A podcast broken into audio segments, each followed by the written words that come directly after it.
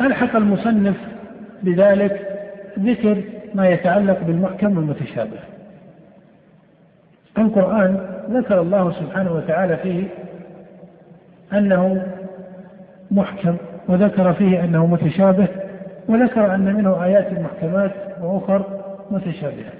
أما إحكامه العام فهو ضبطه واستقامة معناه وأنه حق ولا يأتيه الباطل من بين يديه ولا من خلفه إلى آخره. وأما كونه كتابا متشابها فالمراد بتشابهه العام أن بعضه يصدق بعضا ويشبه بعضا. كما تقول هذه مسائل أشباه وهؤلاء رجال أشباه لما بينهم من التوافق وإيش؟ والاشتراك. وأما المحكم الخاص والمتشابه الخاص المذكور في قوله تعالى في, سورة آل عمران والآيات التي ذكرها المصنف هنا فهذا محل خلاف بين المفسرين. لكن هنا مسألة أن جملة من المتكلمين درجوا على أنهم يجعلون آيات الصفات هي المتشابه ومنهم وهم أقل من يجعل آيات الصفات من من المتشابه فرق بين الطريقتين. أما من قصر التشابه على آيات الصفات فهذا لم يقصرها على آيات الصفات إلا المتكلمون من أهل البدع. ومنهم من قال إن آيات الصفات من المتشابه وهذا أيضا لا أصل له. النتيجة أن آيات الصفات لا يجوز أن تعد من المتشابه. وابن قدامة هنا وهم رحمه الله لكن هذا الوهم ليس عقديا هذا وهم تفسيري هذا وهم تفسيري لأنه لم يجعله مضطردا في سائر في سائر الصفات. إنما يقول إن المشكل يكون متشابها والمتشابه يجب تفويضه على هذه الآية. فإذا هذا وهم تفسيري وليس وهما عقديا. الصحيح كما أسلفت أن آيات الصفات من المحكم وأنها ليست من المتشابه وإنما المتشابه ما أشكل أو تردد معناه. ما أشكل أو تردد معناه. وعليه فقوله تعالى والراسخون في العلم يقولون آمنا به كل من عند ربنا. يقولون آمنا به كل من عند ربنا. إذا كان الوقف على ذلك صار المتشابه هو ما يمكن. طائفة من أهل العلم فهم. ويكون من جنس قول النبي صلى الله عليه وسلم في حديث النعمان الحلال بين والحرام بين وإيش؟ وبينهما أمور مشتبهات لا يعلمهن كثير من الناس. وأما إذا كان الوقف على قوله تعالى وما يعلم تأويله إلا الله ويكون والراسخون في العلم ابتداء فإن التشابه هنا يراد به الحقائق الغيبية التي اختص الله سبحانه وتعالى بعلمه كحقيقة العذاب والنعيم وكحقائق صفاته سبحانه وتعالى فهذه لا يعلمها إلا الله وهي شيء مجهول للمخاطبين. نعم. وقال في ذم مبتغي التأويل لمتشابه تنزيله فأما الذين في قلوبهم زيغ فيتبعون ما تشابه منه ابتغاء الفتنة وابتغاء تأويله وما يعلم تأويله إلا الله. فجعل ابتغاء التأويل علامة على الزيغ وقرنه بابتغاء الفتنة في الذنب ثم حجبهم عما أملوه وقطع أطماعهم عما قصدوه بقوله سبحانه وما يعلم تأويله إلا الله. ولم يرد المصنف بذلك أن سائر آيات الصفات هي من المتشابه الذي يوقف عن معناه. والدليل على أنه لم يرد ذلك أنه فصل في رسالة هذه وفي غيرها فصل ذكر الأسماء والصفات ومعانيها إلى غير ذلك.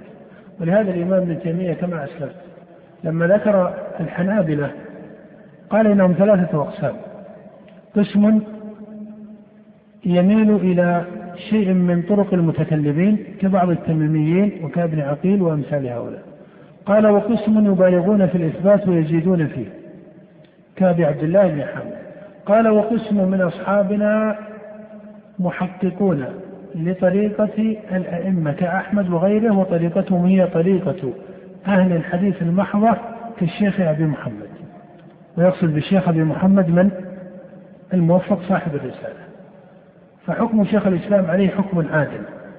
ولهذا لو كان الموفق مفوضا لما فات على شيخ الإسلام ذلك خاصة أن هذه الرسالة اللمعة ابن تيمية نفسه قد وضع رسالته الواسطية على نسخها وعلى نسجها ومن يتأمل هذه الرسالة ورسالة الإمام ابن تيمية كما أسلفت يجد المحاكاة بينة في الرسالتين حتى أنه كرر بعض الأحرف ورتب بعض المسائل على نفس الترتيب إلى غير ذلك. نعم.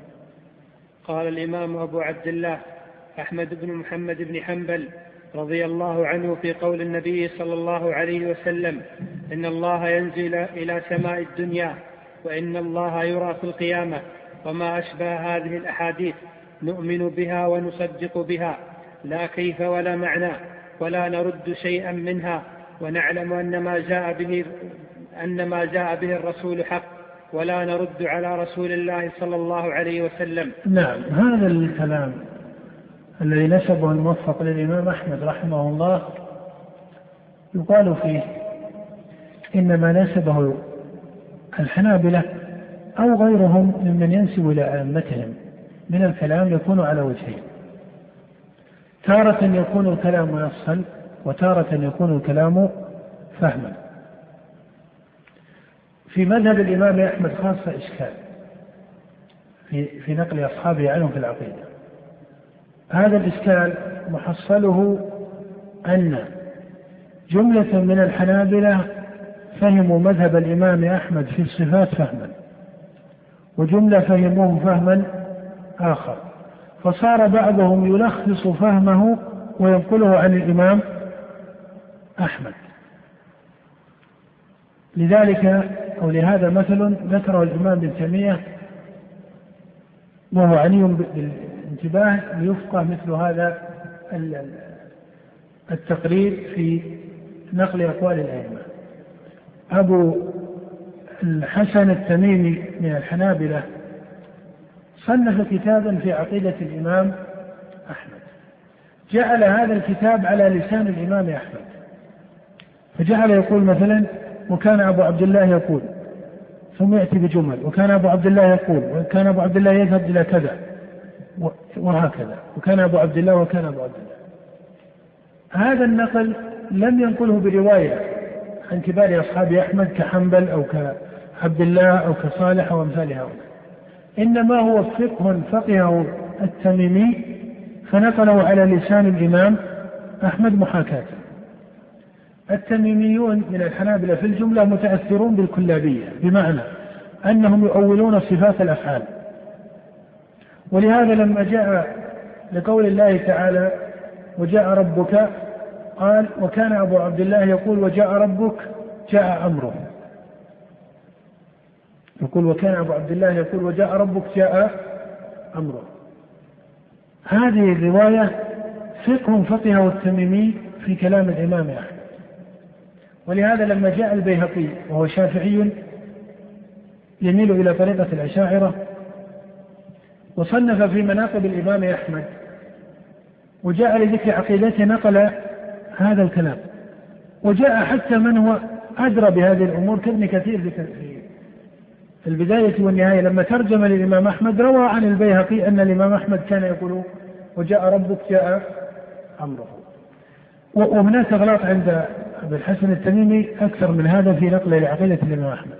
وإن كانت مسألة المجيء قد يكون لها استثناء لأن حنبل بن إسحاق روى عن الإمام أحمد وجاء ربك جاء أمره ولكن جمهور أصحاب الإمام أحمد غلطوا حنبل في هذا لتواتر النقل عن أحمد في إثبات الصفات الفعلية المقصود من هذا أن هذا النقل الذي نقله الموفق ليس نصا عن الإمام أحمد إنما هو فهم فهمه بعض الحنابلة عن الإمام أحمد فنقل ولهذا الإشكال في هذا النقل هو في قول إيش؟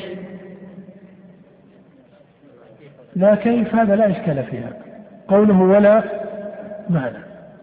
هذا أحسن ما يجاب عنها أن هذا فهم. فهمه طائفة من الحنابلة عن الإمام أحمد فقالوا ما هو هذا الفهم؟ في حسب قائله.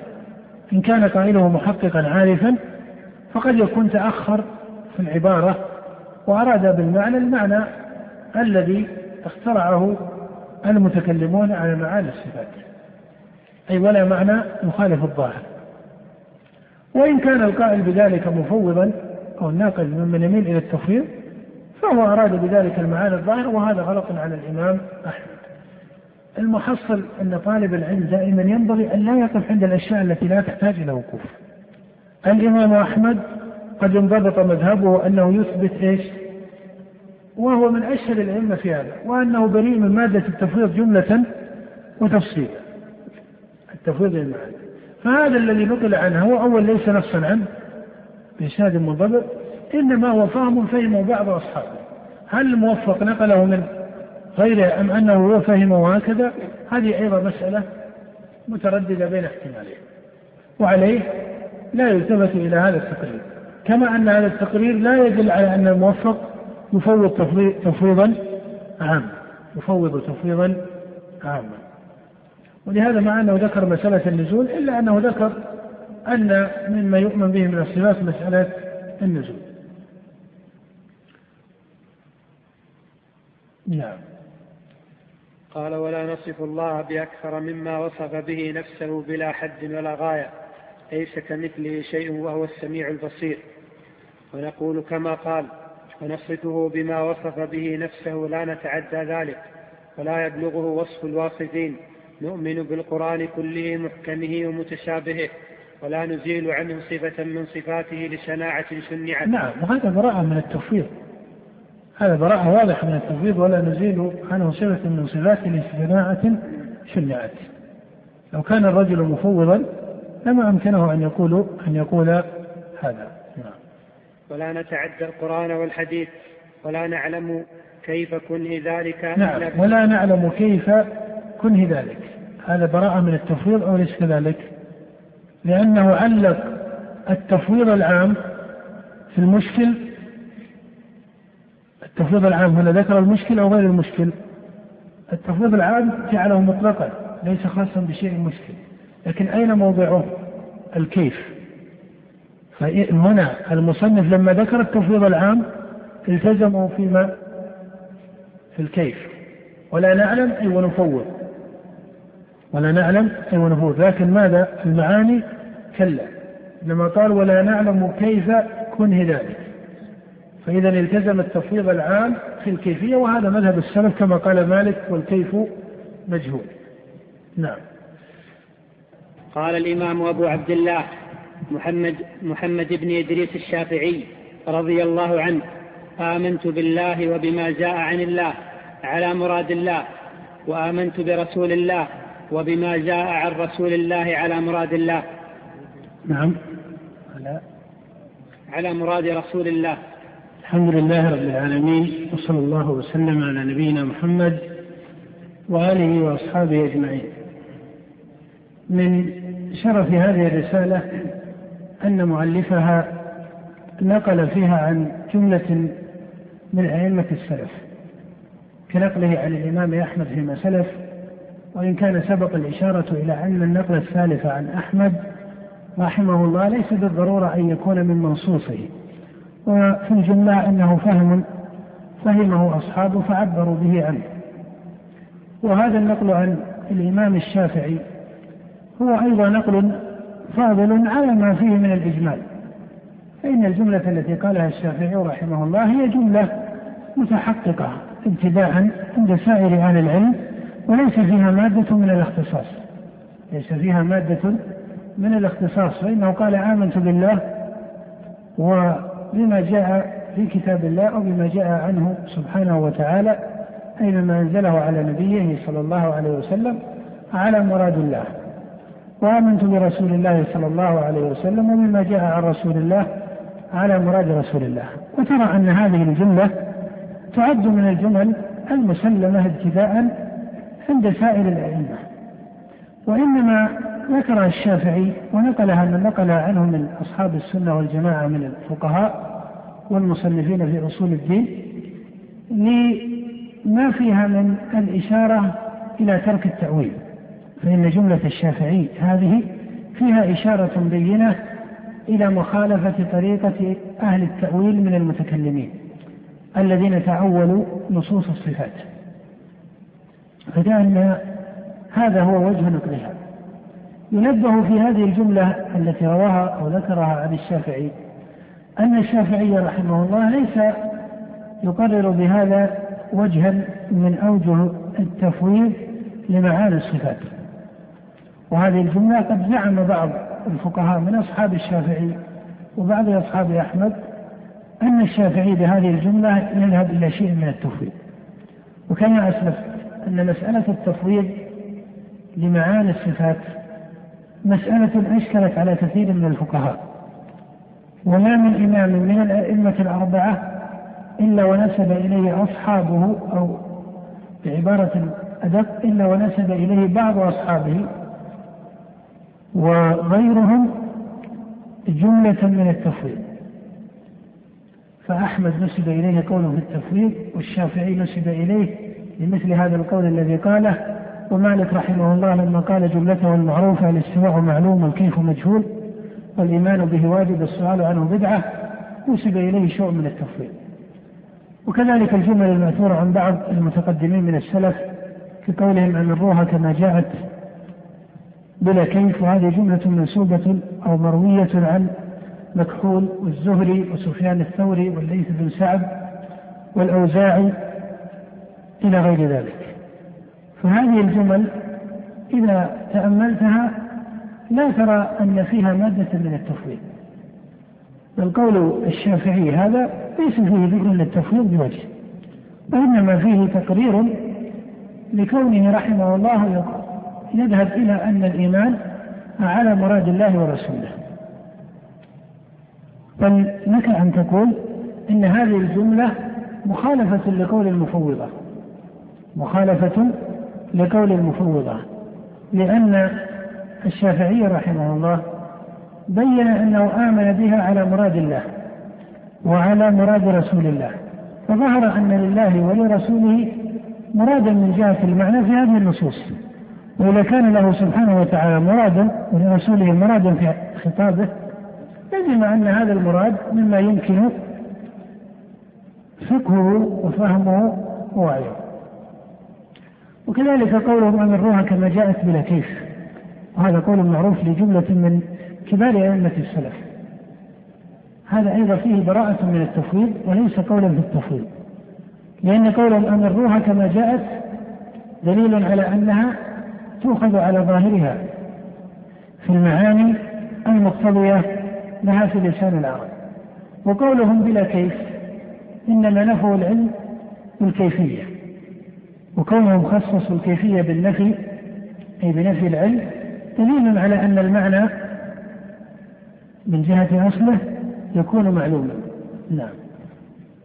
قال رحمه الله على هذا درج السلف وأئمة الخلف رضي الله عنهم كلهم متفقون على الإقرار والإمرار والإثبات لما ورد من الصفات في كتاب الله وسنة رسوله من غير تعرض لتأويله. أي من غير تعرض لتأويله وأراد بالتأويل هنا التأويل الذي أحدثه المتكلمون وهو صرف اللفظ عن الحقيقة إلى المجاز أو صرف اللفظ عن الظاهر إلى المؤول. فهذا هو التأويل البدعي الذي أحدثه المتكلمون من المعتزلة وغيرهم في باب الأسماء والصفات.